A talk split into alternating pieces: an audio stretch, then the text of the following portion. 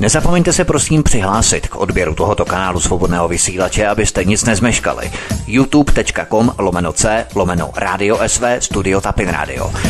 Dejte si prosím odebírat tento kanál kliknutím na červenou ikonku v horní pravé části obrazovky s nápisem odebírat a zaškrtněte také symbol zvonečku, abyste byli informovaní o nahrání každého nového pořadu. Tím také nepřijdete o čerstvé premiéry a rozmanité kauzy, které můžete dále sdílet na sociálních sítích. Příjemný, krásný, dobrý večer, dámy a pánové. Zdraví vás svítek na svobodném vysílači. 19. hodina nám odbyla, máme něco kousek po dvě minuty zhruba po 19. hodině, takže vás tu vítám a doufejme, že i když jste se k nám připojili k našim pořadům, tak zůstanete s námi až do konce. V posledních letech čelíme nebývalým suchým létům. Deště se nevsakují do půdy, ale odtečou do řek a ty pak pryč. Deficit srážek v období let 2014 až 2020 je 400 litrů na metr čtvereční. Vody podle vědců ubylo v horských a podhorských oblastech. Menší úhrn srážek zaznamenávají i místa, kde dosud nouze o vláhu nebyla. Už během dubna, kdyby měly být řeky díky táním sněhu nejvodnatější, protéká českými řekami pouze čtvrtina vody, než kolik odpovídá obvyklým jarním průměrům. Jaké nás čeká léto 2020 ve střední Evropě? Jak hospodaříme s půdou? Na co bychom se měli v souvislosti se suchem připravit a jak můžeme přírodě v těžkých časech pomoct? To nejdůležitější, co si musíme zapamatovat, je, že řešení sucha, zadržení vody v krajině a budování infrastruktury by bylo mnohem levnější a lacenější, pokud by zisky z naší vody neodtékaly pryč na soukromé účty zahraničních koncernů. Miliardy by zůstaly u nás doma a mohli bychom je reinvestovat na boj se suchem. Nejenom o tom si budu dnes povídat na svobodném vysílači s inženýrem Radkem Novotným, zakladatelem nadačního fondu Pravda o vodě. Radku, vítejte u nás, hezký večer. Krásný večer všem a děkuji za pozvání. V České republice, nebo spíše v české krajině bychom měli říct, se vytrácí voda a chybí rok od roku stále více. To dříve či později zasáhne i většinu lidských činností, které zdánlivě nejsou na vodě přímo závislé. Ovšem čistá pitná voda je pro nás jakýmsi tekutým zlatem. Nebude voda, nebude život.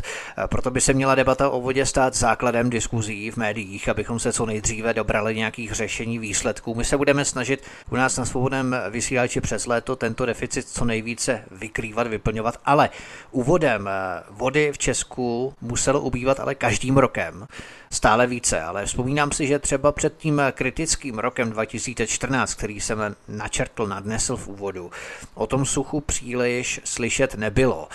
Jak je možné, že se o tom suchu začalo hovořit tak skokově a ta varování neprobíhala postupně už eh, dlouhá léta předtím, než to začal být skutečný problém, tedy od toho roku 2014? Uh, eh, no, já si myslím, že to úplně není tak, eh, jak to říkáte, z pohledu odborné veřejnosti a, a lidí, kteří se zabývali v záležitosti která se vývoje klimatu a podobně, protože máme problém spíš v tom, že tohle to neakceptovali politici. Jo? Upozorňovali na to odborníci hydrologové na spoustu věcí typu přechod při, přivalových dešťů, změna klimatu.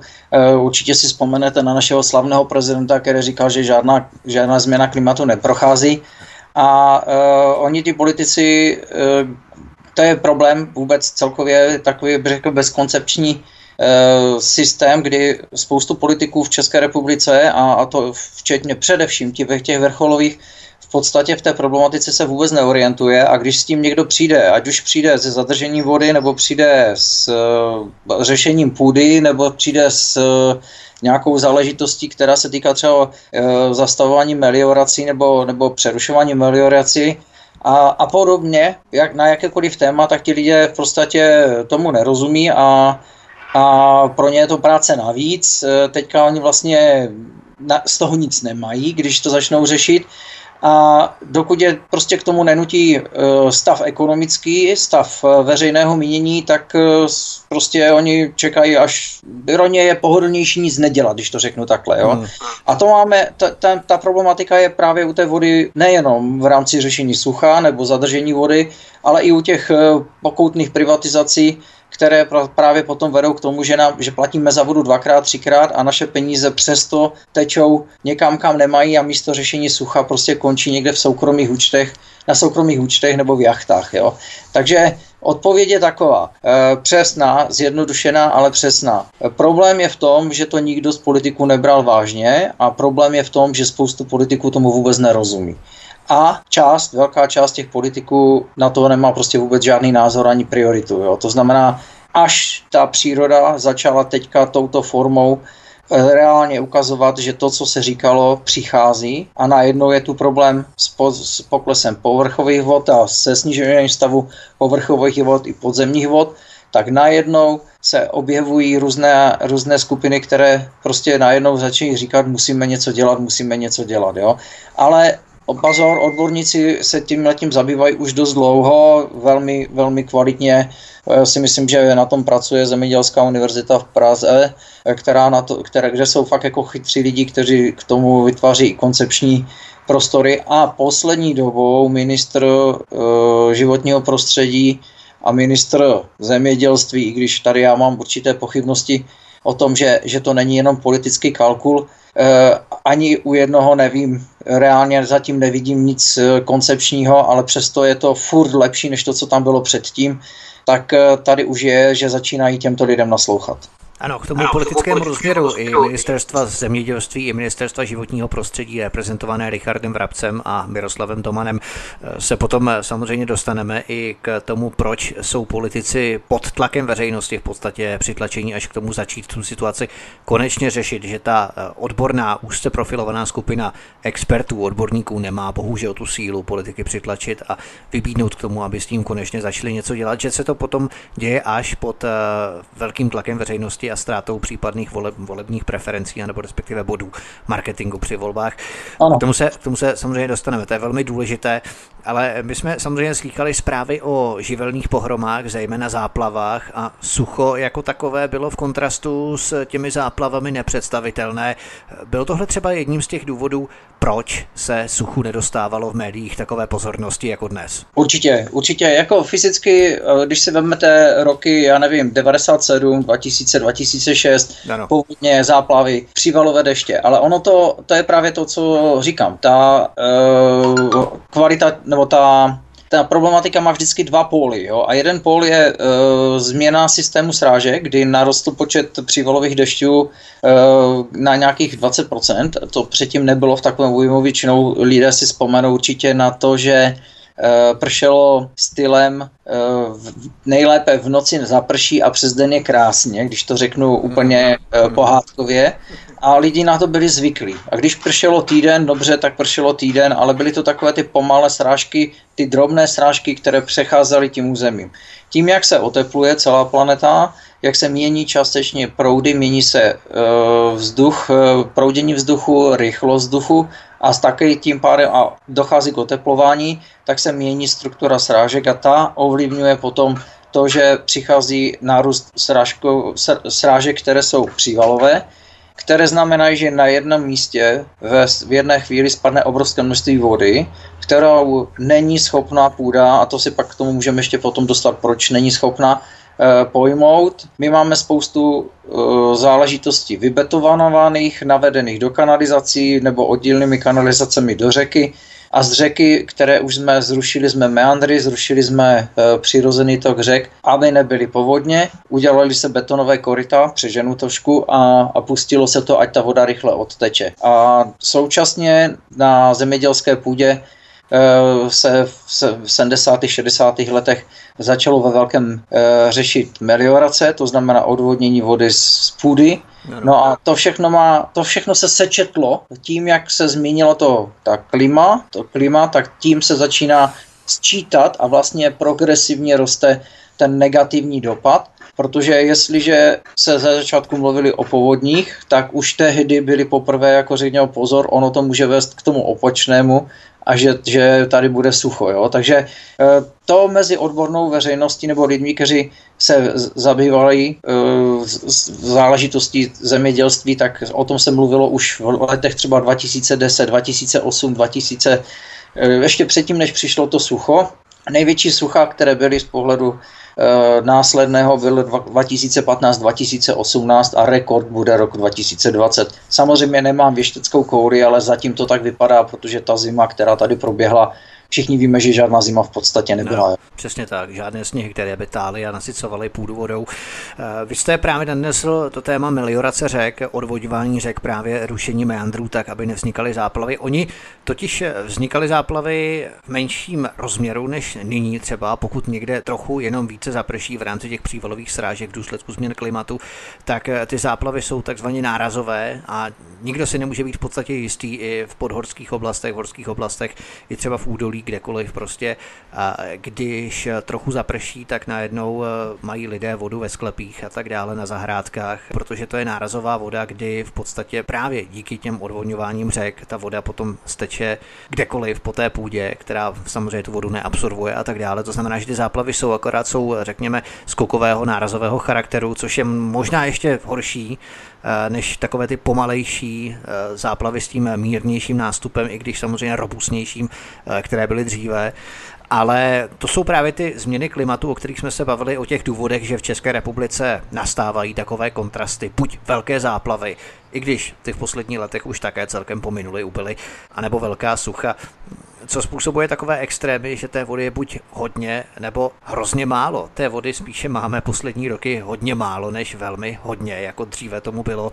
Prší někde jinde. Ta voda prostě se musí dostat vody, dolů prostě. To, vody, to vody, je, vody je, eh, na té planetě, z té planety se voda nestrácí. Ona je, na naší planetě ta voda je prostě ve steleném poměru pořád e, ve stejném množství, řádově pozor, jenom 3% celkového objemu vody v čas, e, na, v, ve světě nebo na země kvůli je pitná voda. Jo? Takže to je věc, kterou si lidé zatím neoc neuvědomují. Uvědomují si to lidé v Africe, kde když zaprší, tak se dělají oslavné tance.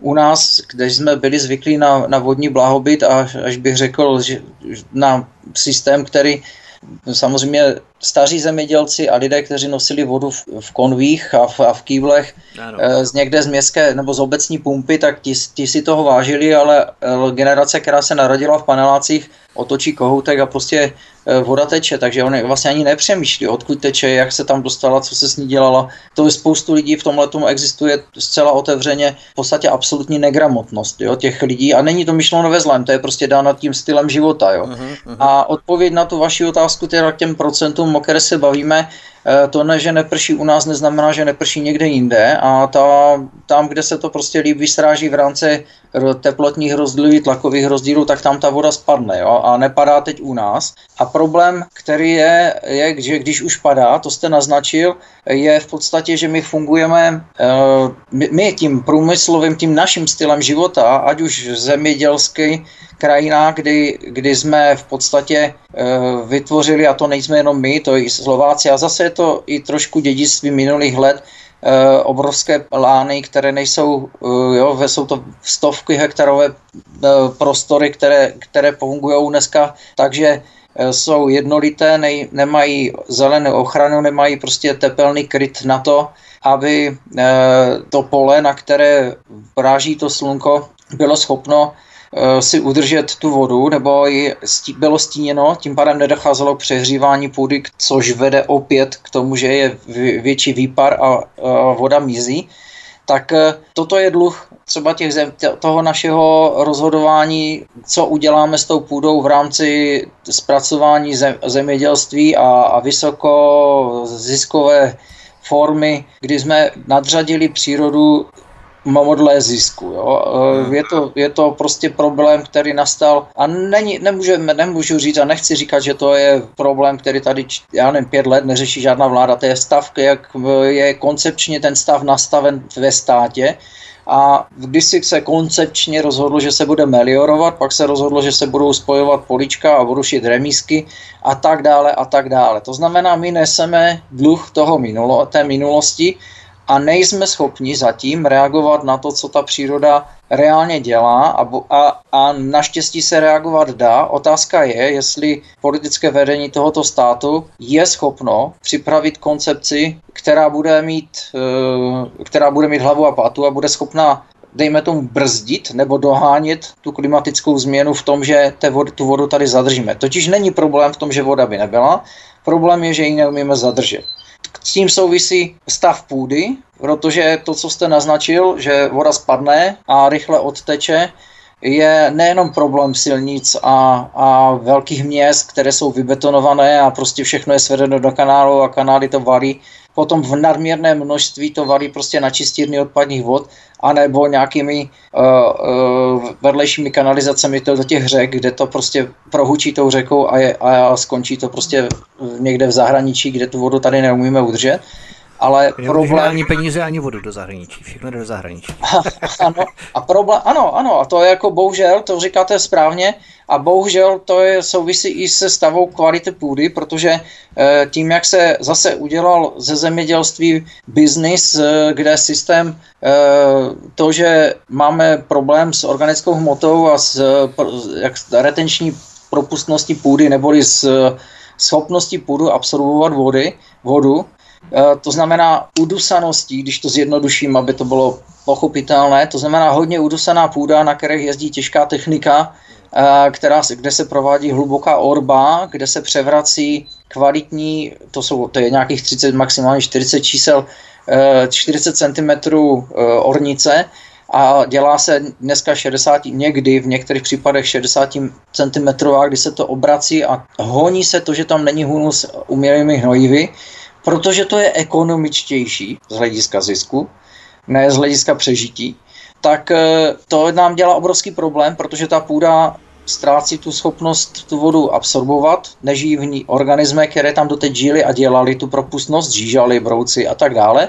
A likvidujeme to i tou chemií, takže, takže to je prostě problém vlastně, já bych řekl, bezkoncepčního a, a proti rozumu stojícího chování se, protože jestliže celkové chování se k přírodě je postaveno na tom, že se dívám, kolik mi to teďka vynese a nedívám se, jaké to má důsledky, no tak dříve nebo později mi to ta příroda vrátí. A ona už to začala vracet teďka dost důrazně a teď je otázka, jestli ti zemědělci, kteří jsou u toho, jsou schopni potlačit ten, ten svůj podnikatelsko-kapitalistický pohled a řeknou, ano, ale pozor, pak oni nemůžou říkat, oni přichází s tím, že říkají, natahují dlaň a říkají, no já nebudu tolik podnikat na tom a dejte mi dotace ze státu. A já říkám, pozor, tady je i občan a ten může říkat, podívejte, ale vy se musíte chovat tak, aby to tady bylo funkční i za 10 let. To znamená, eh, vy musíte podnikat s tím, že, že tohle to dělat nebudete a že dotace bychom měli dostat, když to přeženu, dotace bychom měli dostat my jako občané za to, že jste, že jste to tady já nevím, za těch 60 let splundrovali, jo? když to přeženu teďka úplně do toho hmm. extrému, jo? protože e, zaregistroval jsem e, více debat na toto téma, že zemědělci říkají, no tak dobře, my to teda nebudeme takhle dělat, ale dejte nám, zaplaťte nám ten rozdíl, jo. A já říkám, a tak v tom, pokud přijmu tuhle tu logiku, tak pak říkám, ten občan může říct, prosím vás, z čeho to chcete platit, z daní, z našich peněz, a proč? Vy jste to tady, vy jste jeden z těch, kdo je součástí toho řetězce, který to tady způsobil. To znamená, zaplaťte ty škodu, kterou jste udělali vy, minimálně v tom, že nebudeme my vás znovu dotovat. Jo? E, to, a jsme u peněz, které, které jsou obrovským problémem, protože na všechno, o čem se teďka bavíme, potřebujeme zajistit finanční zdroje, a ty finanční zdroje vždycky zaplatí nakonec jenom člověk, občan. A, a jsme u toho, že pokud to takhle funguje, tak si musíme uvědomit, jestli jsme společnost, která chce fungovat na občanském principu pro občany, anebo je to společnost, která bude fungovat pro pár bohatých zemědělců a pár koncernů a, a zbytek lidí prostě bude žít někde na, na úrovni, která se bude postupně čím dál tím víc snižovat a snižovat protože prostě si tady někdo eh, z toho udělal zase biznis, jo, nebo kšeft. Ta zemědělská kapitola, já se slyším dvakrát, už je to dobré. Ta zemědělská kapitola, pořád se slyším dvakrát a už je to opravdu dobré. Ta, tak zkusím po třetí. Ta zemědělská kapitola, kterou jsme nadnesli, tak eh, je velmi zajímavá, které se určitě vrátím, protože s tím souvisí i právě přístup k té půdě jako takové a můžeme to třeba vidět i na kontrastu české půdy, české ornice, české orné půdy a německé nebo rakouské ve velmi těsném sousedství. Stejně tak jako třeba i v lesních monokulturách a tak dále. Proč máme v České republice kůrovce a v Bavorsku třeba ten kůrovec není v rámci smíšených lesů a tak dále, ale eh, tomu se teď nebudeme věnovat.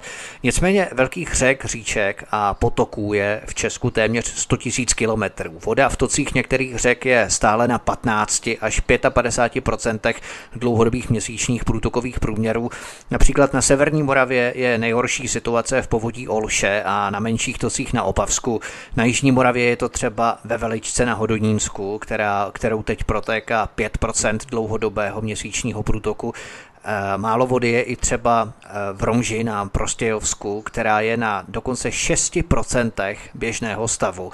A to máme ještě jaro navíc. Nepřišlo ani pořádné léto přesně, a už přesně. tak je to šílené. Eh, jaké jsou ty objektivní příčiny vysychání řek, kdybychom se měli zaměřit nejprve na ty povrchové vody, abychom si to rozdělili tak nějak koncepčně, jak jsme říkali, že politici mají to koncepční řešení, jak jsme koncepci uplatnit v našem rozhovoru. Ty řeky tedy trpí zejména tedy tou meliorací. To je asi ten hlavní důvod. Uh, no, ty řek, je to samozřejmě základní problém je, je množství srážek v republice, které tady spadnou. To je v podstatě bráno, že když to vezmeme na tom, o čem se bavíme, tak uh, za zimu a za poslední tři měsíce, kde myslím jenom jeden měsíc byl uh, srážkově na normálu, hmm. tak uh, je srážek v průměru o 60% méně, než než bylo předtím. Eh, teď vy jste to už naznačil, problém je eh, mírná zima, která znamená, že nenapadl sníh, a v průměru to, co napadlo, je 20% nějakého normálu. To znamená, není ani ta záklopka v tom, o čem jste mluvil, že kromě srážek ještě pomalu otává potom na jaře sníh, který doplňuje koryta řek. Jo? Eh, postupně, postupně, protože postupně otává. A pak je tady základní problém, který si lidé už tolik neuvědomují, a to je to, že za posledních 30 let stoupla teplota v průměru, myslím, o 4, 4, 4 stupně Celzia. A ta vyšší teplota sebou nese samozřejmě větší výpar, eh, což vypadá jako 4 mm, stupně vypadá jako nic, ale ono to, vypa- ono to je v, na těch polích je to markantní, že prostě se víc vypaří a s tím souvisí ještě jedna věc, a to je možná, když se trošku lidé jako tak nějak zamyslí, jak to u nich probíhá, že si už asi všimli, že je víc větrno. Že víc eh, fouká vítr, který je teplý a tím pádem eh, vlastně všechno víc ohřívá a dochází k rychlejšímu vysušování. Takže se spojuje vlastně to, to, že to je uzavřený celek, to všichni chápou, a jednotlivé proměny, které v tom jsou, tak se sčítají nebo spíš násobí v tom negativním důsledku na stav, který, kolik vody nakonec tady zůstane, a případně s tím potom souvisí to, co, jste, to, co už jsme tady trošku nakousli, to je meliorace, systém, jak jsou koryta jako upravena řek, a ještě k tomu, co vy jste říkal vlastně k těm řekám, to není jenom u těch malých řek, jako pozor. E, ten eh, propad toho, kolik nateče v té povrchové vody, nebo teče v, těma, v těch řekách, se týká i, i Vltavy nebo Labe. Jo? Tam, je, tam jsme někde kolem 20-30% eh, normálního průměru. To znamená, toto už je problém i velkých řek. A samozřejmě tady toto ještě není tak kritické. To tady, prosím vás, v 50. letech tady byla podobná situace, kdy i velké řeky měly minimální průtok. Tady stačí, když ty srážky, o kterých jsme mluvili, že oni se nestratili, zase přijdou a ty povrchové vody je budou schopny, nebo ty řeky se zase naplní. Jo? Ale podstatné je, aby to ne, všechno neoteklo rychle někam dál a to je to, o čem se baví teďka hodně odborná veřejnost a to je zadržení vody, úprava zpomalení odchodu té vody v tom, z toho, z toho našeho území, protože my tady nemáme žádné moře, nemáme tady, máme tu přehrady, ale když už se tohle dobře udělá, tak jsme schopni v podstatě eh, vyřešit eh, zadržení vody v půdě, která je o, o velikosti několika velkých přehrad. Jo? Nemusíme stavit přehrady, protože půda funguje daleko líp jako přehrada, kdy pokud je, je schopna absorbovat tu vodu, a ten odpar potom je, schop, je daleko menší, jo, protože vodní plocha, tam se to odpařuje velmi rychle, když to travnatý porost nebo nějaký, nějaký e, zemědělský porost e, tím, že je vlastně sám o sobě je krytý plodinami, tak kryje tu ten odpar daleko líp. Což jako zase spoustu lidí to, že to neví laická veřejnost, nebo že o tom nepřemýšlí, protože to ne, prostě není součástí její podnikání tohle, nebo života, to i celkem člověk pochopí. Ale e, myslím si, že daleko víc by se tohleto mělo jako osvěta e, fakt jako dostat k poslancům, k lidem, kteří jsou za, za stav zemědělství v České republice odpovědní a vidím, že snahy jsou to dostat k těm poslancům, ale vidím zatím velmi malé snahy a ochotu naslouchat a, a už vůbec nevidím reálné kroky, protože eh, prosím vás, dešťovka jako třeba projekt pro zachycení dešťové vody je dobrá myšlenka. A když se podíváte na dědiny, tak já si myslím, že, jste, že si podívejte na dědiny ze 70. let z minulého systému, Každý měl u, u zahrádky vánu starou někde, odkud ji dostali lidi, nevím. To, máme taky to znamená, dešťovku, dešťovku lidi měli ještě předtím, než, než někdo vymyslel slovo dešťovka. Jo? To znamená, jasně, eh, podpořme to určitě, ale když to řeknu úplně na tvrdo, jestli mám v programu dešťovka 440 milionů, eh, které, kterým podpořím teda ty, kteří to ještě nemají, no tak je to fajn, ale když si uvědomím, že za posledních 8 let odteklo z českého vodárenství 22 miliard, tak eh, bychom těch dešťovek, která mohly mít výrazně víc než 440 milionů, že? Inženýr Radek Novotný, zakladatel nadačního fondu Pravda o vodě, je hostem u nás na svobodném vysílači. Přesně to, co popisujeme v rámci vody, kdy i poučeného lajka napadne, že přece jenom voda, povrchová voda z přehrady například se odpařuje velmi rychleji než eh, právě voda nasycená do půdy v nějaké zatravněné ploše, louce, co si jako nacucaná molitonová houba Jo, ano, můžeme ano. to popsat, to je úplně nejlepší uskladnění té vody jako takové a to se samozřejmě dostává do podzemních zásobáren vod, které jsou pro nás velmi důležité a těm se budeme věnovat po písničce. Od mikrofonu vás zdraví Vítek, hezký večer, dobrý poslech. Posloucháte svobodný vysílač, máme po písničce, naším hostem zůstává stále inženýr Radek Novotný, zakladatel nadačního fondu Pravda o vodě. My jsme se bavili o povrchových vodách před písničkou, pojďme se ale teď podívat na to, co podzemní zásoby vody, které prosakují půdou ze zhora, čímž výrazně získávají na své kvalitě. V jakém stavu jsou tyto zásoby podzemních pramenů? No, tady, tady se to do, dobře řekl, že prosakují a je to dlouhodobá záležitost a už v té předchozí části rozhovoru jsem říkal, že problém je, že, že voda nevsakuje. Jo? To znamená, e, souvisí to s tím, že my e, část podzemních vod využíváme k zásobování obyvatelstva pitnou vodou nebo spotřebitelů, protože to nejsou jenom obyvatele, to jsou i, i e, firmy a, a prostě osoby, které tady jsou jako podnikatelské subjekty a e, tím nám částečně očerpává se po zásoby podzemních vod a problém je na tom přítoku, kde díky tomu, jak e, přicházejí ty přívalové dešti, které jsou rychle a hned dotečou, tak vlastně nevzniká to, co vznikalo předtím. To prostor pro to vsakování, kdy na to není připravená půda, je problém s usychajícími lesy, e, kdy ani ty lesy, které předtím byly schopny to zadržovat a výrazně zadržovat, tu vodu, tak eh, ty taky mají problém. Naznačoval jste monokultura, eh, je to otázka samozřejmě nejenom monokultury, stěžba a zase jsme úplně stěžba rychle rostoucího dřeva, smrku, business, business, zisky, zisky, ale pozor, kurovec je problém, který, kterému to sucho právě nám pomáhá, protože oslabený strom ten kurovec lépe napadne, ale když se podíváte, stačí jet po dálnici, Eh, Praha-Brno nebo Praha-Ostrava, tak zjistíte, že usychají borovice a borovice mají kořenový systém daleko hlubší než, než povrchový eh, systém kořenů smrku a to je dáno tím, že právě klesají hladiny podzemních vod a usychají ty, ty stromy, které jsou a v podstatě to vypadá, že až 50% borovic, eh, borovicovou porostu v některých lokalitách jako uhynuje. Jo?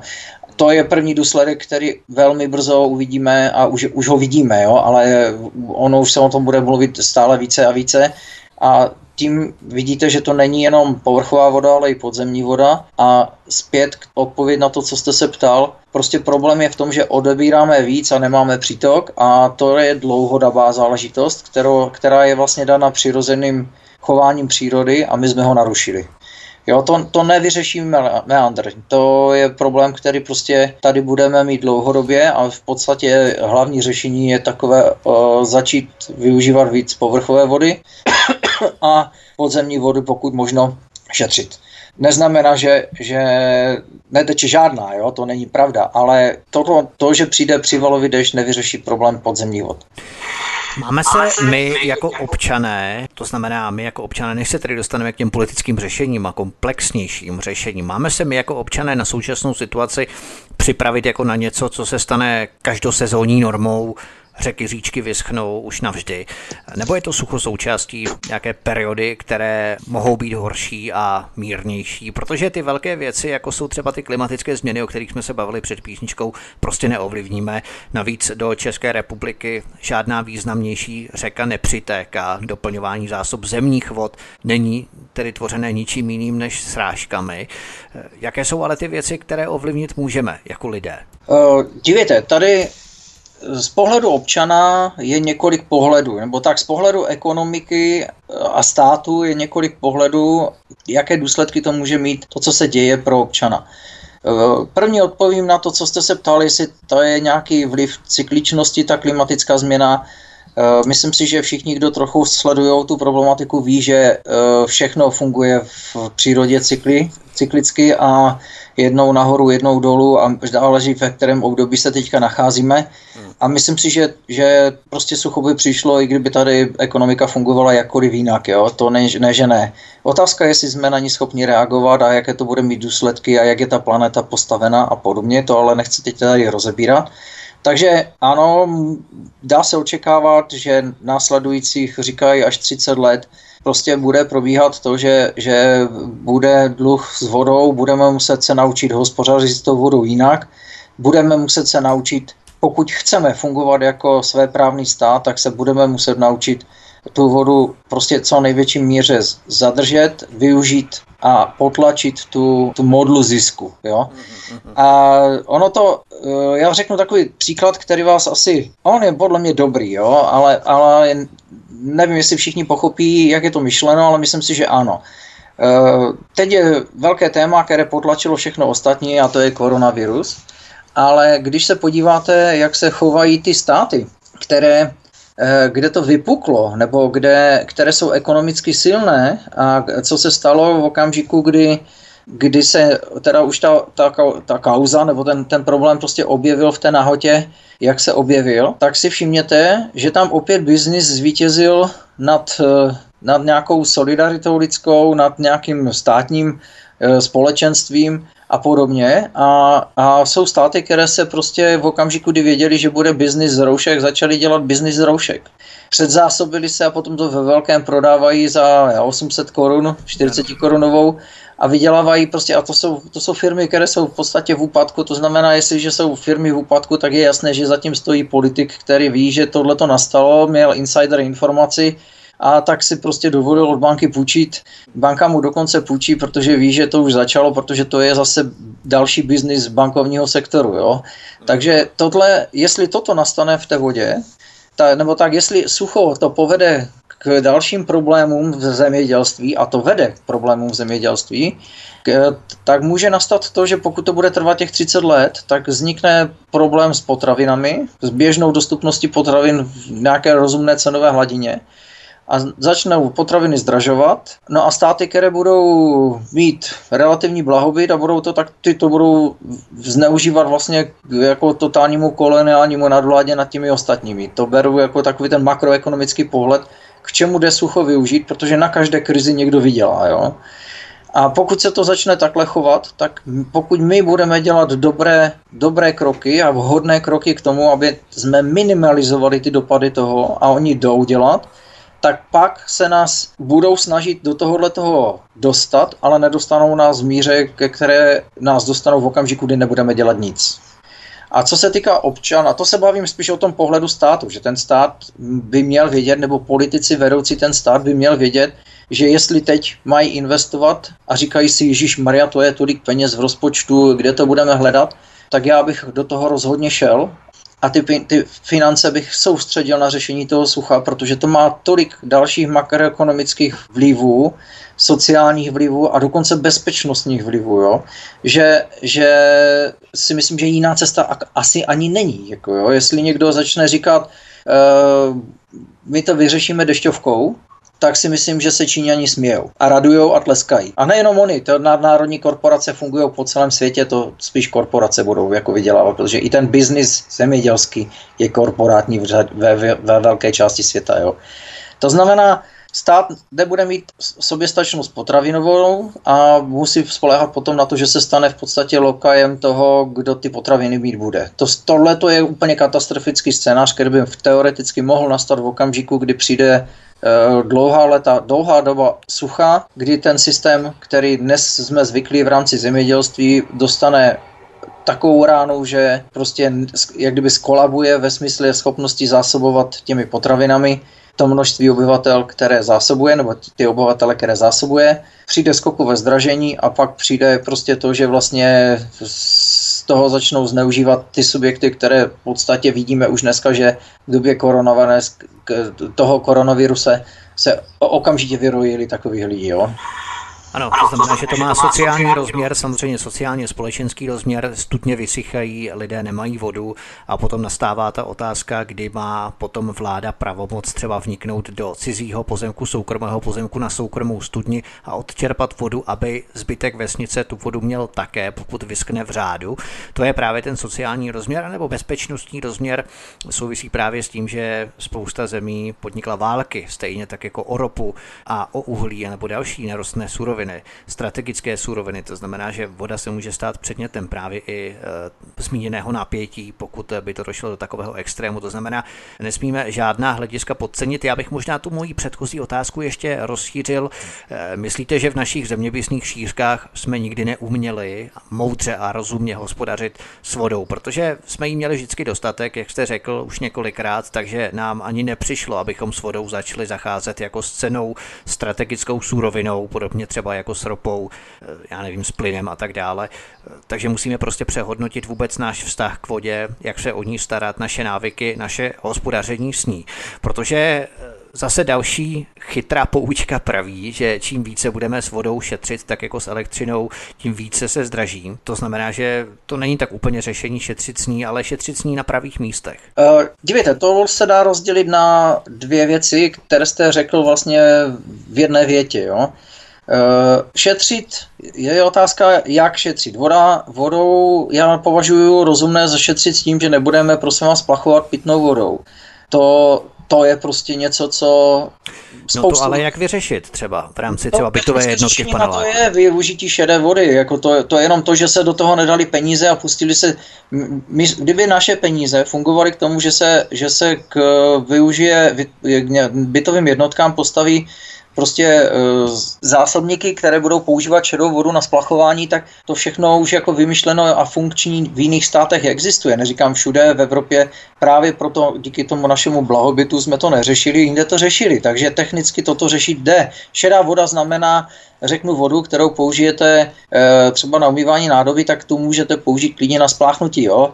E, ona může projít nějakou drobnou úpravou na to, aby, aby tam něco nebylo těch projektu. Já vím, mě šlo, spíš, ale... Eh, mě šlo spíš o to, že vás přerušil, že pokud to stávající řešení už je hotové v rámci splachování pitné vody, tak už je velmi obtížné, to by se muselo sekat do zdí a vyhotovovat ale jo, jo, nové jo, potrubí staví právě. Se, staví se nové domy, staví se, jo, prostě tohle to beru, přitom se současně dělají různé rekonstrukce starých panelových domů, e, neříkám, že všechno jde udělat hned, ale tohle to můžeme, kdybychom to dělali postupně posledních 30 let, tak jsme mohli mít třeba 20% toho vyřešeno, nevím, jo, teďka říkám, říkám, prosím vás, ne, ne, to číslo 20% neberete jako, jako dogma, ale já se, myslím, že nejsem daleko od, od pravdy, když vezmeme novou výstavbu anebo rekonstrukce starých panelových ze 60. 70. let postavených sídlišť, tak eh, spoustu věcí se dalo dělat eh, a, a nedělá se. Jo? Hmm. A ono to není tak až technicky složité, protože to je o přivedení trubky k baráku a, a vykopání jámy, když to řeknu úplně jako laicky, ale tak, aby lidi měli představu, že e,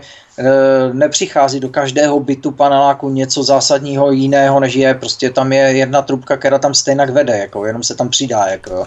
No, ale musí se ta voda rozcirkulovat po tom bytě, aby se splachovalo e, na toaletě jinou vodou, než třeba která no, teče do Jo, ale to máte, přívod na, no, to máte přívod na toaletu, jo, takže, takže furt z té trubky, která jde v té šachtici, uděláte Jasně. přívod na toaletu. Není to zase tak složité Rozumím. a tru, mění uh-huh. se vodoměry, mění se uh, rozvody plynu se dělaly, jo. Spoustu věcí se dalo udělat společně, uh-huh. ale tohle, to, prosím vás, toto samozřejmě není uh, základní problém, jako je, je to jenom z, zhovadilost, když to řeknu takhle, jo. Ale a samozřejmě, když budeme omezovat zhovadilosti nebo napravovat zhovadilosti, tak tak té přírodě taky pomůžeme. Ale samozřejmě splachování pitnou vodou není hlavní problém. Jo? U nás se nejvíc vody spotřebuje Prosím vás, je spoustu věcí, které si lidi neuvědomují, ale vodu potřebujeme pro průmysl, e, pro chlazení jaderných elektrárny a tak dále. Jako, jo, to, je, to je zásadní problém při snižování hladin vody a, a podobně, kdy, kdy se nám může stát, že už se stalo, že se omezovaly eh, výroby eh, průmyslových podniků, protože prostě nebyla jak kdyby průmyslová surová voda, jo? že prostě ne, nemě, nemohli odebírat, protože by snížili průtok řeky už pod normu, kdyby nepřežili ryby. Jo? A to jsou věci, které jsou takhle propojené. A fyzicky to, co jste naznačoval s tou válkou o vody a podobně, tak je hodně zajímavý článek, vyšel kdysi v zahraničí, my jsme ho převzali a dali jsme ho na k nám na stránky Pravda o vodě. Novoda, jmenuje se to Novodová válka o vodu. Eh, převratně vodní projekt, který mohl změnit vše a je to projekt, který měl realizovaný eh, v Líbii a byl to obrovský vodovod, který, jsou, eh, který v podstatě měl za úkol nebo měl cíl zajistit pitnou vodu v části Líbijské pouště e, s technologií ocelování a obrovský vodovod a podobně. Skončilo to, prosím vás, rozbombardováním celého toho projektu. Mm, mm. Kadáfi skončil, jak skončil, mm. ale e, asi se to, když se nad tím zamyslíte, tak e, pokud tohle to funguje v Izraeli, tak samozřejmě by to fungovalo i v té Libii. Jo? A teď najednou se dostáváme do těch pohledů, že zase biznis vítězí nad vlastně zájmy občanů, zájmy státu a dejme tomu schopnosti toho státu být nezávislý na zemědělské potravinové pomoci nějakých jiných států, nebo že musí odebírat potraviny ze zahraničí, což by se té Libii podařilo. A e, když, když to domyslíte do toho důsledku a vzpomenete si na to, co jsem říkal v té, myslím, druhé části, že vlastně je to cesta, kdy může díky suchu začít bohatnout určitá skupina velmi bohatých a schopných eh, podnikatelů na úkor prostě všech těch ostatních. To, co dneska jako paradigma není akceptovatelné, tak se může stát novým paradigmatem, to znamená novým pravidlem, který bude říkat, chceš vodu, chceš potraviny, ano, a prostě celé vodárenství bude mi zpravovat tady tenhle ten koncern. Jo, a, a ten stát už nebude schopen, pokud prostě přejde ta, ta, to období toho ekonomického e, bezvládí, prostě, nebo te, toho řešení už, už toho nebude schopen najednou řešit, protože to vlastně nikdo nechce řešit No tak oni to řeknou, tak to vyřešte a, a pak se najednou za 20 let zjistí, že tomu ve státě nikdo nerozumí, nikdo to neumí, nikdo to nedělá, tak ať to dělají ty koncerny na věky. A když se někdo zeptá, a je to, jestli to je ekonomicky nebo, nebo ekologicky zajímavé, tak každý řekne, potom vám nic není, to je soukromá podnikání a tady s tím nemáte vůbec žádný, žádný nárok se na to vůbec ptát. Jo? Takže problém s tou vodou je prostě, ta voda je obsažena ve všem a jak jsme se řekli, ekonomika, zemědělství, průmysl, sociální smír a v podstatě soběstačnost nebo svéprávnost toho státu, schopnost ji uchovat a samozřejmě ekologie a životní prostředí. My se bavíme o šedé vodě, která je přítomná ve veškerém průmyslu a ten odčerpává v podstatě největší objem té vody. Eh, já jsem kde si zaznamenal statistiku i v rámci tohoto ekonomického, biznisového hlediska, že třeba na kilogram masa, a je jedno, jaké maso to je, zda vepřové hovězí a tak dále, je spotřebováno, než se vůbec dostane na pult do krámu, tak je spotřebováno tuším 20 litrů vody a to je jenom na kilogram masa, když se zprůměruje fakticky, co se odehrává no, v městkách že, v té výrobě. já si myslím, že ten objem je daleko vyšší, to číslo si teď nespomenu, ale myslím, že se bavíme, uh, že se bavíme o tisících litrech. Uh, tohle je... Myslím na kilogram masa až tisíc litrů? Jo. Je de, jo to je strašné. Tedy. Je, jo, prosím vás, teď to číslo si fakt nevybavím. Vím, tak i kdyby to bylo 500, to... tak je to dost, jo. Ale logika je jasná. Pícninu, musíte vypěstovat pícninu, kterou skrmíte, musíte, ten, ten, hmm. musíte tomu dobytku dát napít, musíte ho nějakou dobu to a samozřejmě pak ještě distribuovat e, to maso. Jo? To znamená, e, i to souvisí s nějakou, s nějakou vodou, protože ta, a to, zase ten řidič něco stojí, zase ta doprava, zase výroba toho auta a tak dále. Když to sečtete v celkovém sečtu, tak je to podle mě daleko víc než to, to číslo, které jste říkal, ale e, je otázka, to je hlavně Amerika. Vyšel, byl Žíznivý svět, prosím vás. Doporučuji dokument, dá se to, najdete to na, na uložto.cz, jinde to nenajdete, protože to je samozřejmě chráněno autorskými právy a nevím z jakého důvodu to tam je k dispozici, ale Žíznivý svět přesně popisuje to, co teďka říkáte. Je to dokument, který točili, myslím, francouzi s uh, američany, Eh, který ukazuje právě tuto problematiku z pohledu hlavně Američanů, které jsou obrovské chovné farmy a tam je přesně rozpočítáváno, kolik vody se spotřebuje na jedno tričko, na jedno takové, a na takové věci, které nám připadají, že s vodou vůbec nesouvisí. Jo, takže a zase jsme u toho biznesu, jo.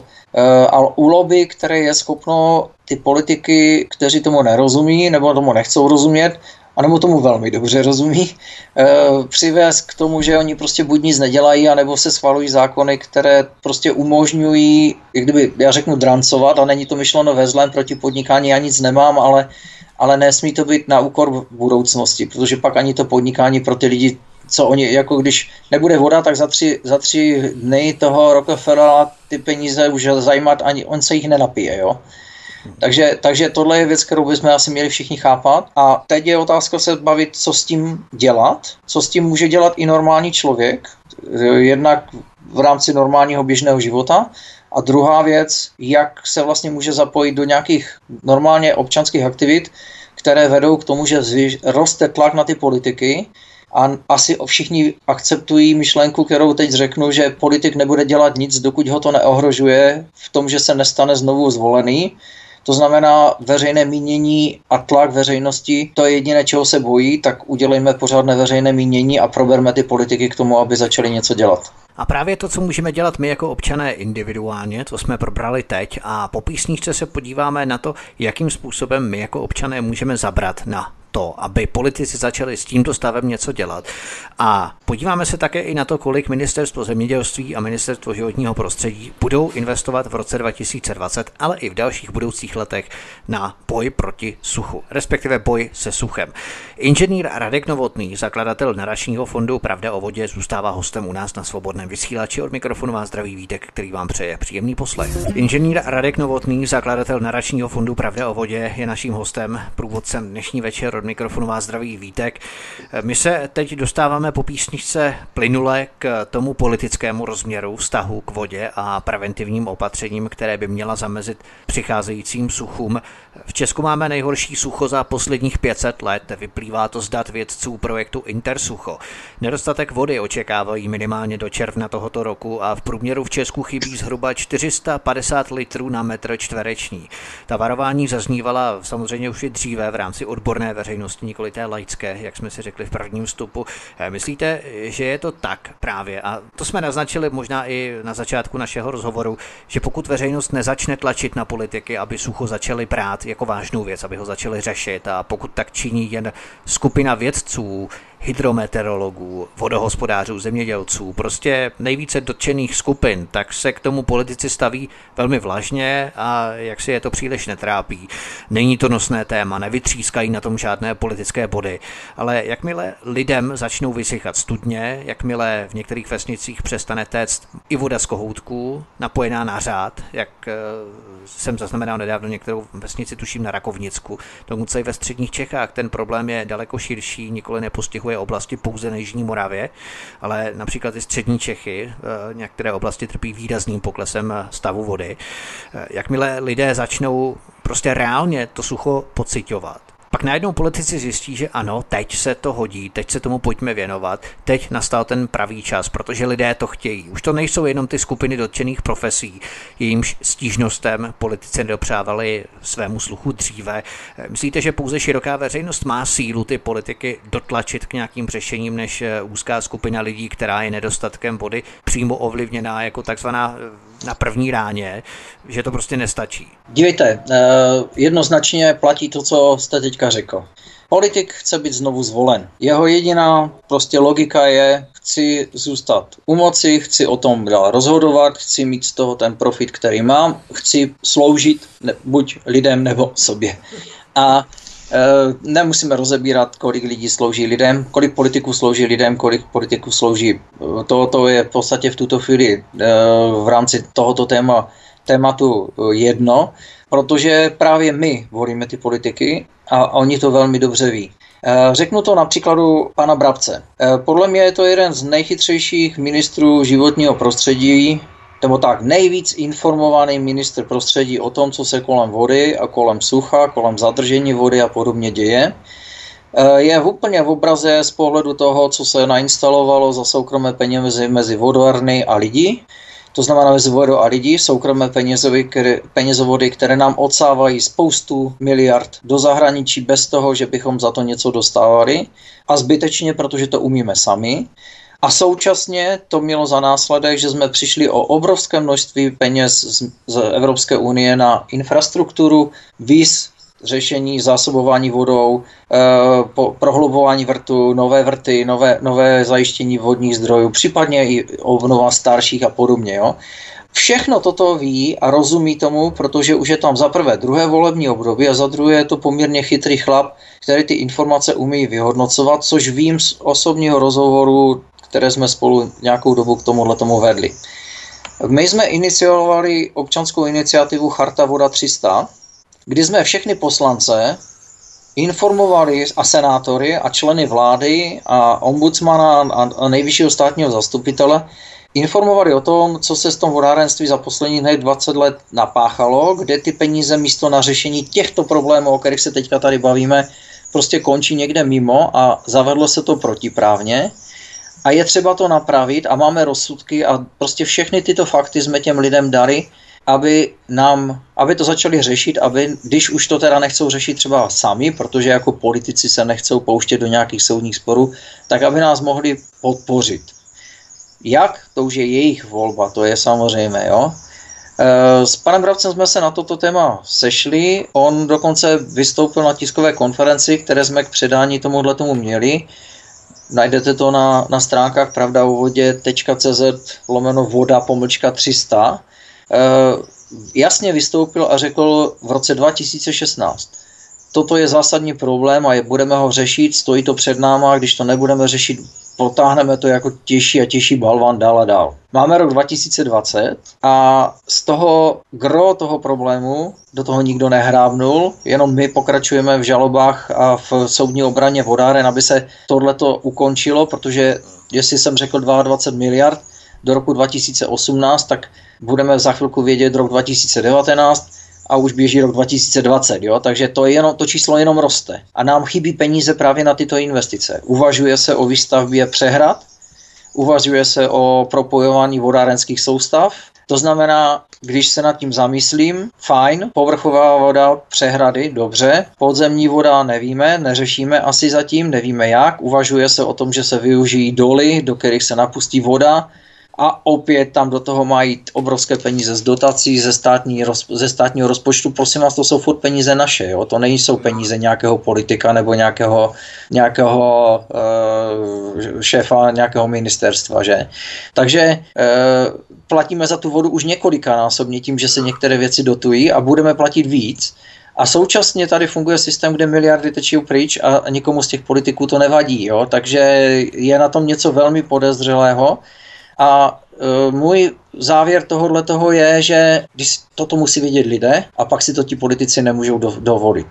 Proto jsme spustili e, logika, která projekt, který se jmenuje Chceme vědět, a zapojuje se do toho čím dál tím víc lidí a začínají se těch politiků ptát na to, co jsme řekli. Kde mají končit peníze od lidí? Kdo má mít v rukou v infrastrukturu, vodu, trubky, provozní, provoz, prodej vody a peněžní toky a zisky z vody. Jo? To znamená městské vodárny nebo krajské vodárny a nebo soukromé firmy. A ten politik v okamžiku, kdy neodpovídá, tak vlastně taky odpovídá. Tenhle ten člověk to za vás nikdy řešit nebude, tak ho prostě nevolte. A ten člověk, který řekne jednoznačně, patří to do rukou veřejného sektoru, protože veřejný sektor toto musí mít v rukou, aby byl svéprávný a mohl o tom všem svobodně rozhodovat, tak ten volitelný je. Tam následuje druhá otázka, co si proto zatím udělal. Jo? Ale, ale z druhé strany, i když řekne nic, ale už to vím a chápu, tak je to pro mě určitě přijatelnější politik, než ten, který mi řekne, koncerny to dělají dobře. A sedí v dozorčí radě koncernové fabriky. Jo? jo, takže v tu chvíli vím, že, že to je prostě člověk, který zaprvé už léta pracuje pro, pro, pro soukromý subjekt a tak dále. A to je jedna věc. E, tlak veřejnosti na tohle. Tak druhá věc. Odborníci, Intersucho jste zmiňoval, já jsem zmiňoval zemědělskou školu, e, zemědělskou univerzitu v Praze. E, těch skupin, které tady existují, vzniklo i pod senátním výborem, je, je záležitost lidí, kteří se zabývají odborníků, kteří se zabývají řešením sucha. A tohle je všechno věc, která ti odborníci potřebují podporu těch rozumných ve, té veřejnosti taky.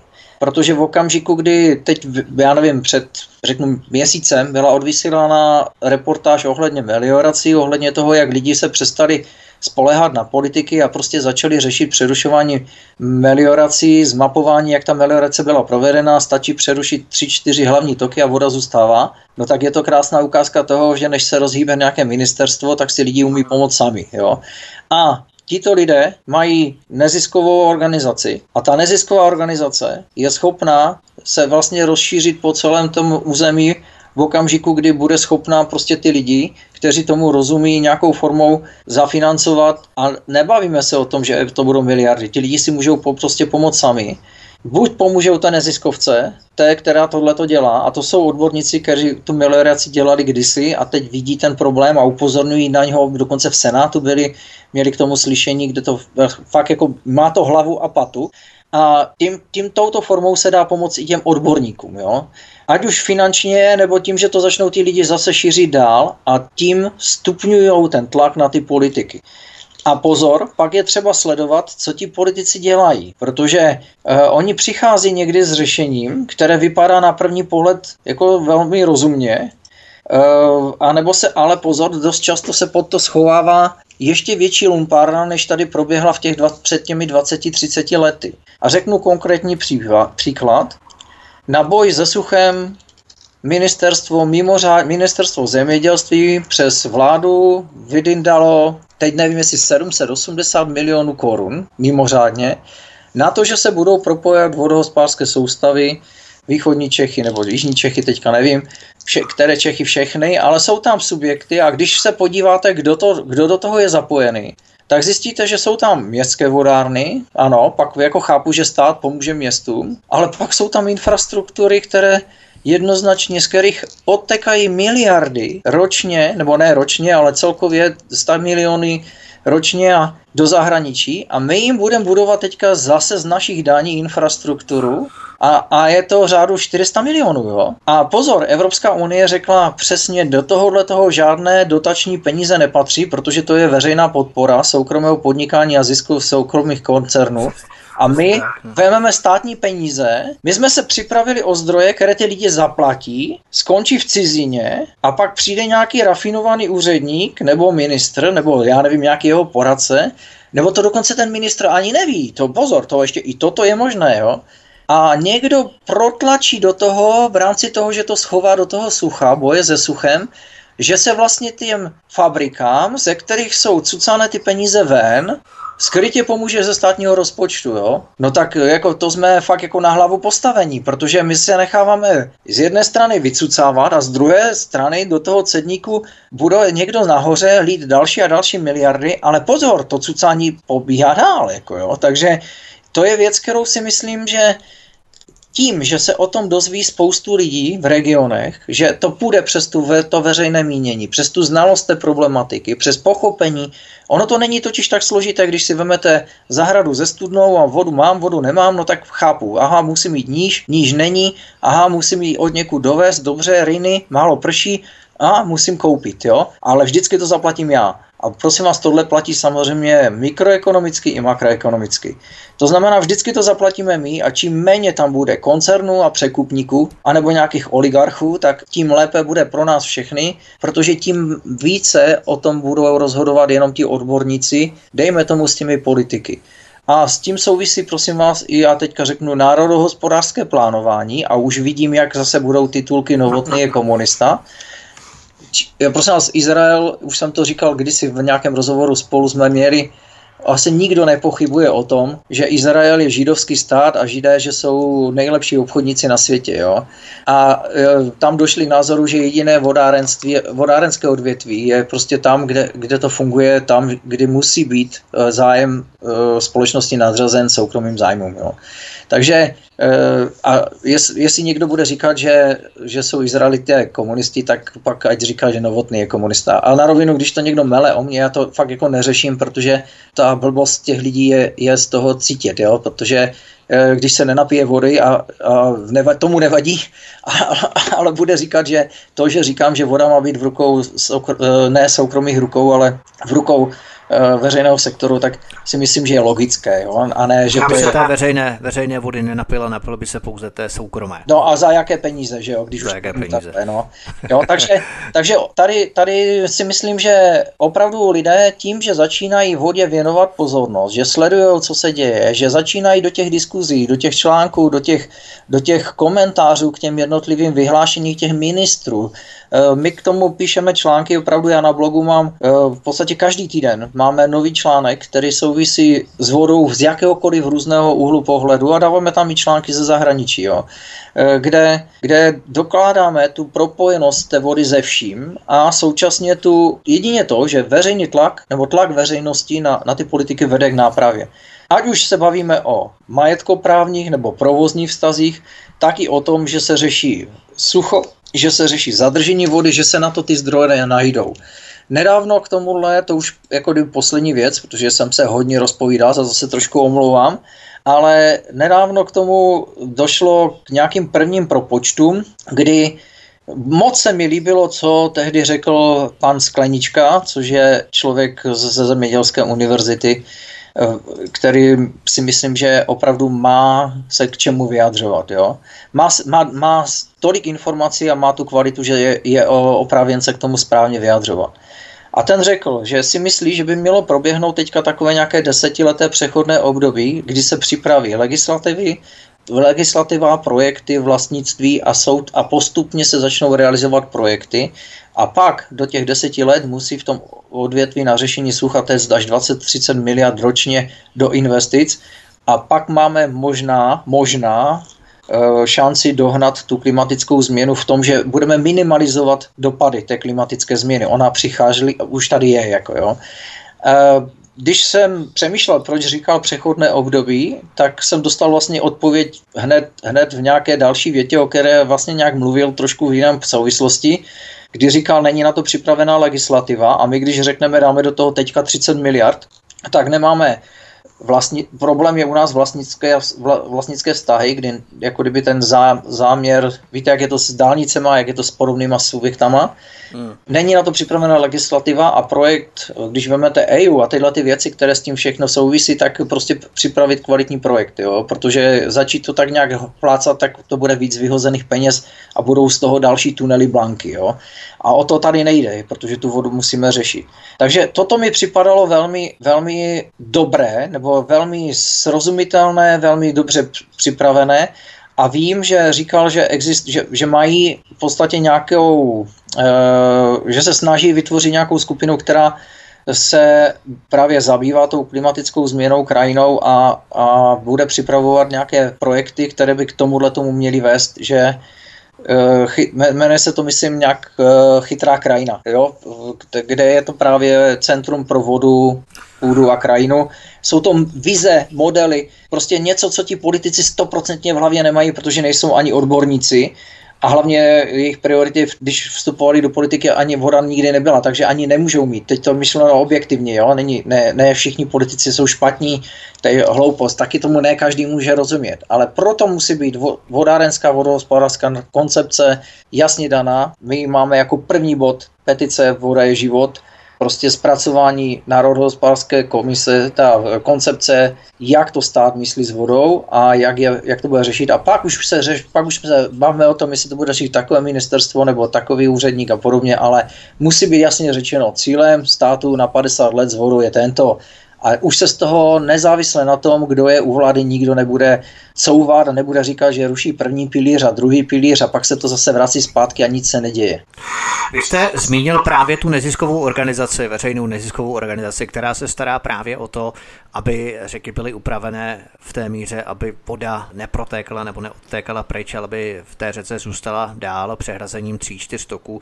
A v podstatě to je takový políček do tváře politikům, že se tak dá dělat eh, na základě veřejné iniciativy, občanské iniciativy s minimálním kapitálem, s minimálním finančním vstupem, s minimálními prostředky, než obrovské miliardy, které se do toho vynakládají. Samozřejmě ty projekty potom jsou do určité míry odlišné, samozřejmě bez přispění určitých finančních možností nelze realizovat eh, větší projekty, to je samozřejmé, ale je vidět prostě, že spousta těch věcí se dá udělat eh, s minimálním finančním vstupem. Eh, já jenom zkusíme i na další téma, abychom postihli co nejvíce témat a posluchači neunavovali určitou rozveklostí. Možná třeba si nějaká témata, která třeba dnes nestihneme v omezeném čase nebo v určeném čase pro náš pořad, zkusíme si je schovat na příště a rozvést je třeba i více, abychom právě v důsledku zkracujícího se časového okna pro tento pořad nemuseli ta témata zkracovat i eh, v rámci jejich obšírnosti. Eh, protože tento rok chce vláda uvolnit přes ministerstvo životního prostředí 2,5 miliardy korun na boj proti suchu a dodává, že ještě zkusí 3,5 miliardy přidat. Dohromady to dělá tedy za rok 2026 miliard. Na co mají být ty peníze využité? Protože v sérii minulých pořadů jsme se bavili o tom, že zisky z vody poloviny městských vodáren České republice putují na účty zahraničních koncernů typu Veolie, přičemž o potrubí a čističky se musíme starat my z našich peněz, zatímco zahraniční koncern čerpá pouze zisky do potrubí a čističek, nic nemusí investovat vedle samozřejmě standardního pronájmu, což zdaleka tu údržbu a opravy nepokryje. Eh, měli bychom tedy pochopit, že ty miliardy, které na jedné straně odtečou, a to bych možná i zrekapituloval to, co jste řekl právě v tom vašem předchozím vstupu, že ty miliardy, které na, jedno, na jedné straně odtečou ven cizím koncernům na jejich účty, které neinvestují do vodárenské struktury, infrastruktury, pardon, to znamená potrubí a čističky, tak ty miliardy potom eh, musí doplácet samotný stát. Čili nejsme na tom v podstatě bytí dvakrát. Jednou naše miliardy odtékají do zahraničí a po druhé naše miliardy zdaní, protože ty původní peníze ztrácíme, odtékají do zahraničí, tak ty další miliardy zdaní vynakládáme na řešení minimalizace sucha. To znamená, v podstatě jsme bytí dvakrát a možná i třikrát i v rámci dotací. Po třetí je to s těma dotacemi. Dívejte, to, to číslo jsem já naznačil, ale ještě to ještě to řeknu trošku v jiné, jiné souvislosti. Dostal se mi do ruky jedna analýza, e, která je ze zahraničí ohledně toho, kolik e, peněz vlastně přichází z dané, dané státy, které přešly na nějaké provozní modely. A je, to, je, tam, je tam zajímavá věc, která uh, akceptuju to, že uh, neřekli konkrétní, konkrétní zdroj, protože chápu, že by je mohli zažalovat, ale řeklo, líbilo se mi, že řekli tohle. První věc je, co otéká oficiálně, co se definuje ze ziskových marží a je jasně vidět v dividendách. Druhá částka, která je odhadována na stejný objem jako to, co je e, v dividendách, nebo no, maximálně, tak minimálně 80% toho, co odteká v dividendách, je to, co odchází nákladově, e, kdy to je nějaká koncernová vnitropodniková prostě, nebo koncerny mezi sebou dohodnuté a je, je tam prostě, řekl, kartelová dohoda nebo dohoda spolupracujících koncernů a, prostě fakturují některé věci, které si fakturují vzájemně v rámci ceřiných společností a podobně a v podstatě prý to dělají e, na tom území toho státu a nechceme jmenovat, dokud to nebudeme mít dobře přeložené e, a, nebudeme mít v tom jasno, jak to je myšleno, ale že to je až 80% toho, co oteká oficiálně v ziscích. Jo? A třetí věc, která nás nikdy nenapadla, ale ta tam je uvedena taky, je, že obrovský biznis z vody je, jsou investice, které se realizují do infrastruktury, které ty koncerny tím, že sice ovládají jenom provozní část, ale neovládají jak kdyby infrastrukturu, ale tím, že vlastně vytáhli tu, ten, ten management eh, z, z těch průvodních městských vodáren do svých soukromých rukou, tak si založili ceřiné společnosti, na které tak posesunuli lidi a ti potom dělají ten biznis vlastně jako kdyby subdodávku pro tu městskou vodárnu. Nevím, jestli jste se nestratil, ale myslím, že ne. Fyzicky je to o tom, že i ten biznis s tou výstavou nové infrastruktury je v podstatě v soukromých rukou. A tady funguje, a tam padlo něco, co mi, co mi jako pak jsem řekl, kurník, to bude u nás riziko, že u nás to funguje stejné, víc doktor rád, a takzvaná klasická pětka nebo desítka z objemu projektu pro někoho bokem. A v tu chvíli, když si uvědomíte, tak už se dostáváme úplně do miliardových jako obratů, jo, pokud tohle to funguje. A i kdyby to bylo tak, že to bude fungovat bez těch koncernů a furt to bylo takhle nemravně nastaveno, tak ty peníze zůstanou v republice. Když to, když to je tak a, fu- a jestli to tak funguje v, v, z pohledu toho zahraničí, a, bude, a pak je pravděpodobnost, že se některé případy objeví i u nás, dříve nebo později se to podaří možná rozkryt, tak pak ty miliardy nejsou jenom o těch ziscích, ale miliardy jsou v nákladových položkách a ještě jsou tam z toho, že se ta infrastruktura buduje. Jo. A všechny ty peníze končí mimo to odvětví a to je hodně špatně, pokud tenhle stav opravdu je takhle nastaven, tak je to hrozně špatně a právě proto je to důvod, proč ti prostředníci tam nemají být. A tím pádem v rámci těch peněz, které investujeme a reinvestujeme, které jednak tedy odtékají do zahraničí a jednak eh, potom ještě zdaní, musíme ty též peníze investovat na opravu a budování té vodní infrastruktury, tak v podstatě ano, je to částečně tedy z těch soukromých zdrojů, jak jste řekl. Nicméně eh, v rámci těch našich peněz pořád jsme na tom byti dvakrát. No určitě, jako dívejte, já, my to máme vyčíslené na stránkách Pravda o vodě jako hled na hlavní stránce, jo. Rok 2010 až 2018 21,9 miliard korun. Oficiálně odteklo z České republiky přes zisky z vodného, stočného nebo přes vyplatu různých fondů vodárenských společností. Když jsme se bavili, vy jste řekl, že e, ministerstvo chystá, že zainvestuje 2,5 miliard, případně, že ještě se pokusí z rozpočtu získat ještě další 3 miliardy jo, tak eh, my vememe 5,5 miliard a zainvestujeme je do toho, aby v těch trubkách, těch koncernů, které mají v rukou koncerny, tekla voda, za které oni zkasírují zisk. Oni to mají geniálně vymyšlené, jo? ten systém jsme si už rozebírali v minulých debatách, eh, to znamená stát, a to jsme my, postaví koncernům infrastrukturu a to, co potřebuje k tomu, aby mohli podnikat, úzovky doufám cítíte v tom i té intonaci, ano. A, a prostě zisky potečou dál někam jinam. A pak máte přesně to, co jste řekl. Za prvé platíme napřímo v ceně vodného stočného, která už dneska dohnala tu Evropu, někdy dokonce předehnala konečně v něčem. Problém je v tom, že jsme nepředehnali v příjmech občanů, takže na té nákladové položce tam jsme, tam jsme jako dohnali a na té výnosové bohužel ne. A ti lidé jsou tím pádem už tím letím bytí, protože náklady na bydlení rozhodně nemáme, i když vezmeme víc položek, tak rozhodně nemáme levnější. v součtu než v zahraničí. A co se týká té druhé části, to znamená toho, že to dotují ze svých rozpočtů města a obce, tu infrastrukturu, meliorace, zemědělci a všichni nás stojí a jsme zase u toho zisku a všichni říkají, no my to budeme řešit, když nám na to dáte dotace. Jo, ne všichni, prosím vás, to zase jako jsou i solidní zemědělci.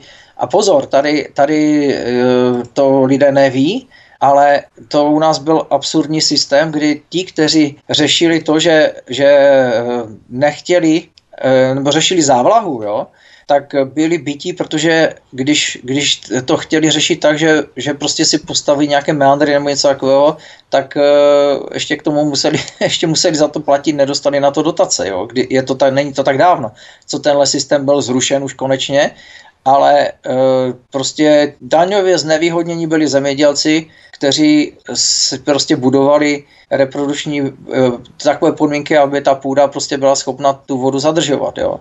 To už neplatí, to se zrušilo. To je to, co říkám, že si myslím, že ať je to, jak je to, tak eh, Brabec se snaží ty věci dělat jako rozumně a tady si myslím, že i, i ku podivu pan Toman, jo, kdy, kdy eh, z druhé strany panu Tomanovi tam uteklo to, že mu tam někdo propašoval uh, skrytou veřejnou podporu, dle mého názoru. Jo. Ale to je otázka samozřejmě toho, že zase čím více lidí toto bude vědět, tím méně je možné, aby se toto dělo. Jo, a v okamžiku, kdy lidi budou stejně jako v Izraeli požadovat, aby když se od nás peníze vyberou, tak skončí ve vodárenství, tak co ten politik může udělat? Řekne, že to tak nebude a bude chtít platit zdaň a chce být znovu zvolen? O, asi nebude, že? To je velmi důležité. Totiž eh, v květnu 2019, minulý rok, přesně minulý rok vlastně máme květen, ano. vláda oznámila, že během dalšího desetiletí uvolní 50 miliard korun ano. dohromady na boj proti suchu, ale odborníci upozorňují na to, že musíme změnit vůbec náš pohled na krajinu, na naše chování v ní, aby půda vodu zadržovala. O tom jsme se v podstatě bavili, abychom to nepřemíleli pořád dokola. Vsakovala půda vodu, absorbovala, nasycovala a to se prý celkově neděje. Jaký význam potom mají takové projekty typu dešťovka a další? Nejsou to jenom drobné projekty, které z toho dlouhodobějšího hlediska nic neřeší, protože k té půdě pořád budeme přistupovat tím, řekněme, ekonomicky rentabilním způsobem v rámci širých rodných lánů, velkých obrovských lánů zaprášených, vysušených, místo těch eh, malých políček eh, s pestrostí právě na těch polích. O tom se můžeme třeba bavit příště, protože to dneska nestihneme v rámci zemědělství. Ale není to právě o tom, že ty peníze se budou eh, jaksi nalévat pořád do boje se suchem, ale budou to v podstatě vyhozené peníze? Uh, já povím teďka trošku jinak, ale odpovím i na tuto otázku. Jo. Já jsem už tady naznačoval uh, činnost nadačního fondu a tlak na politiky, Uh, nějakou petici, která je vlastně koncepce deseti bodů, které je třeba zavést do legislativy, do principu zprávy vody, kde mimo jiné je samozřejmě to, o čem se teď tady nějak bavíme, to znamená zajištění zdrojů a vytvoření uh, společností, které budou fungovat ne na základě podnikání, ale na základě Spravovat vodu ne na základě podnikání, ale na základě veřejné služby, veřejně prospěšné společnosti. Nemluvím o neziskovkách, prosím vás, ať si někdo nemyslí, že chceme vytvářet nějaké, nějaké neziskovky ve smyslu toho, co, kde nevíme, kdy ty peníze končí. Jo? To nic takového o tom nemluvím, ale mluvím o tom, že by to měly být společnosti, které jsou prostě e, zpravovány tak, že tu službu poskytuje jako veřejnou službu a ne za účelem dolovat zisky. A to souvisí s tím, o čem se tady bavíme. Koncepce, národohospodářská koncepce, neziskový charakter provozování vodovodu a kanalizaci a zprávy celého odvětví vodárenství v České republice. A s tím souvisí potom to, o čem se bavíme, politický boj, politické body, dešťovka ano nebo ne, e, jdeme do toho, protože z toho budou zisky a my z toho budeme mít brebendy, anebo jdeme do toho, protože pro stát je to důležité. A v okamžiku, kdy změníme tu koncepci, kdy ten zisk tam prostě nebude hrát roli a neumožníme v tom odvětví, aby, aby si tam někdo z toho prostě dělal kšeft, tak si myslím, že všechny ty kroky, které se dají dělat, půjdou s nás. Protože se zaprvé z toho odstraní subjekty, které mají obrovský vliv a obrovské peníze a jsou schopni korumpovat a nebo, nebo prostě protlačovat svoje politické nominanty tak ti tam nebudou, protože prostě u té vody bude jasně dano legislativně, že tam nepatří a nemají tam co dělat. A díky tomu ten stát bude přicházet s projekty, které budou mít hlavu a patu. Vy jste řekl 50 milionů, pardon, 50 miliard v následujících 20-30 letech a já říkám, že to musí být 20-30 miliard ročně eh, v následujících 20-30 letech. Plus pozor, upozorňuji na to přechodné období 10 let, o kterém velmi rozumně mluvil pan Sklenička. Jo. Takže eh, to bude daleko větší objem peněz, který do toho budeme muset dát, než kolik oni teďka jak kdyby uvolňují. No a když si, když si vemu teďka věcně program dešťovka, prosím vás, vždycky je lepší, když jsou aspoň nějaké programy na drobné věci, které fungují, když lidé aspoň něco drobně udělají, protože v součtu to vždycky dělá ten celek.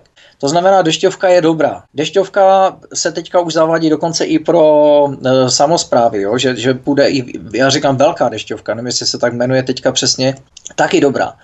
Určitě zadržování vody touto cestou je rozumné, podpořme to, dejme to. Ale prosím vás, toto neřeší ten problém. Když jsme se bavili o těch číslech, 440 milionů do dešťovky dvojky, to víme oba, že nevyřeší problém ani s podzemními, ani s povrchovými vodama. Pomůže no, to možná to byla taková trošku habaďura nebo podraz na občany, protože se potom začalo po dvou nebo třech letech po zavedení toho projektu Dešťovka hovořit o zdanění srážkové vody a stát má samozřejmě přehled, kdo z toho projektu o, Dešťovka čerpal v rámci barelu, tak, znamená tak, objem té vody. Eh, tam je to spíš trošku ještě jinak. Jako tohle je jeden pohled, který je správně řečený co to potom bude znamenat, že vy používáte dešťovou vodu, ale hlavně pozor, tam se velmi rychle přihlásili ty městské vodárny, nebo ty vodárny, o to, že když jim to teče do té kanalizace, když vy si to dovedete do baráku, takže chcou stočné.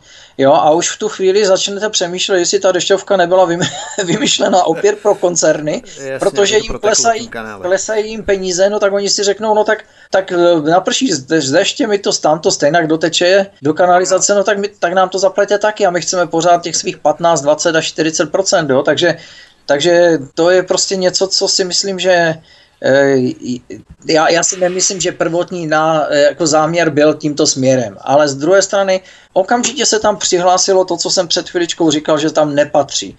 My z toho chceme zisk. Jo? Prostě my chceme pokryt náklady a chceme z toho zisk. Jo? Takže se omlouvám. Pořádku. Jo, takže, takže hmm. fyzicky eh, to, to, tohle se tím eliminuje. Prostě v dané chvíli, pokud to bude věcně a bude to v situaci znamenat, že městská vodárna bude muset zaplatit více, tak dobře, e, nebo tak, že, že bude mít větší náklady, ale nebude chtít generovat zisk, tak ti lidi rádi ty peníze zaplatí za to, že mají jistotu obnovených trubek, čistoty sucha a tak dále, čistoty vody, jo.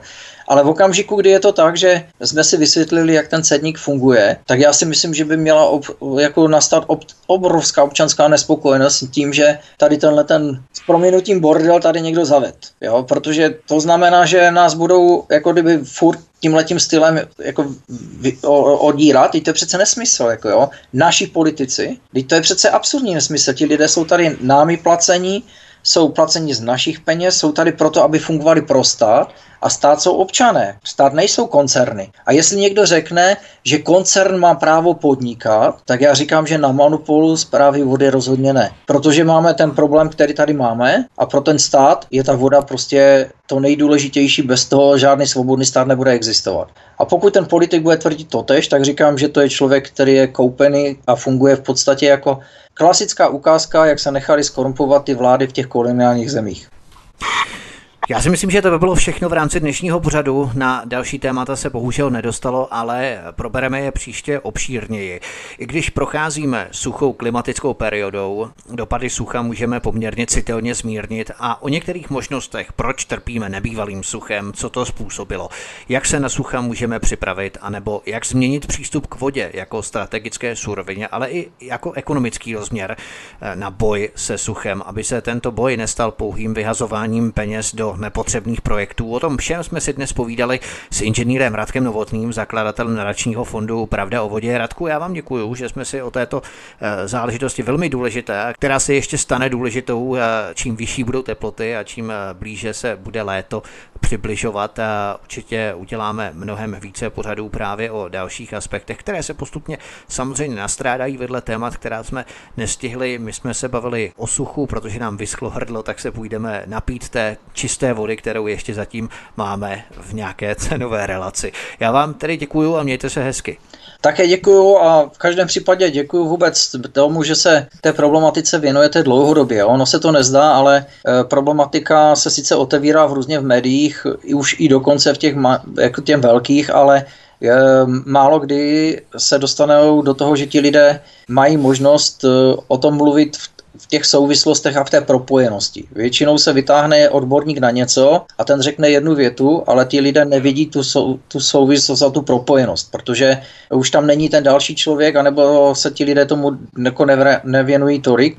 A rozhodně tady v České republice schází eh, v každé politické straně někdo, kdo má vodu na starost. Jo, a že, že by byl schopen prostě někde k tomu věcně mluvit. Oni se vždycky vyjádří jednou větou nebo řeknou, eh, máme katastrofické sucho, a, a pak řeknou co? Nic. Dál řeknou, vyčlenili jsme miliardy ze státního rozpočtu. Na co hmm. konkrétně a tak dále. O tom hmm. bychom se mohli potom příštím, příštím tématu taky bavit. Myslím si, že to lidi bude taky zajímat. Uh, a myslím, že bychom zrovna tímhle mohli vlastně i tu veřejnost přivést k tomu, jak můžou začít tlačit na ty politiky. Za první věc je, pojďte se s náma ptát, ať oni jasně odpovídají předem, než jsou, než jsou na těch pozicích. A druhá věc je, pojďte nám říct, když vidíte to sucho, jak to vidíte vy, vy konkrétní politická strana, vy konkrétní politická strana. A udělejme z toho, prostě řeknu briefing, kde budou odpovědi všem lidem dostupné na webu, aby si mohli podívat, o tom. A věřte tomu, že to ty politiky bude, bude nutit k tomu, že začnou se tím zabývat, že začnou tomu věnovat čas a že potom naše peníze nepotečou tam, kde nemají. A budeme řešit sucho samozřejmě, že? To byla taková upoutávka předkrm nebo zákusek. Zákusek pro tento pořad a předkrm pro pořad příští. Dobře, dobře takový finger food, nebo řekněme jednohubka, kterou se třeba budeme věnovat a kterou právě začneme třeba náš příští pořad. Dodává tedy Radek Novotný, inženýr Radek Novotný, zakladatel nadačního fondu Pravda o vodě. Tento i ostatní pořady si, milí posluchači, můžete stáhnout nejenom na stránkách svobodného vysílače, ale také na kanále YouTube, nejenom Studia Tapin Radio svobodného vysílače, ale také na Pravdě o vodě, eh, kde se tyto pořady také budou sdílet. No a prosím, naštivte i naše tedy YouTubeové kanály, klikněte na pravé horní tlačítko v pravé horní části obrazovky odebírat, abyste nezmeškali i další pořady nejenom o vodě, ale i o dalších zajímavých tématech na svobodném vysílači. To by bylo všechno od mikrofonu vás zdraví Vítek. Přeju vám příjemný poslech a hezký zbytek večera a příště se s vámi těším opět na slyšenou. Hezký večer. Prosíme, pomožte nám s propagací kanálu Studia Tapin Radio Svobodného vysílače CS. Pokud se vám tento nebo jiné pořady na tomto kanále líbí, klikněte na vaší obrazovce na tlačítko s nápisem Sdílet a vyberte sociální síť, na kterou pořád sdílíte. Jde o pouhých pár desítek sekund vašeho času. Děkujeme.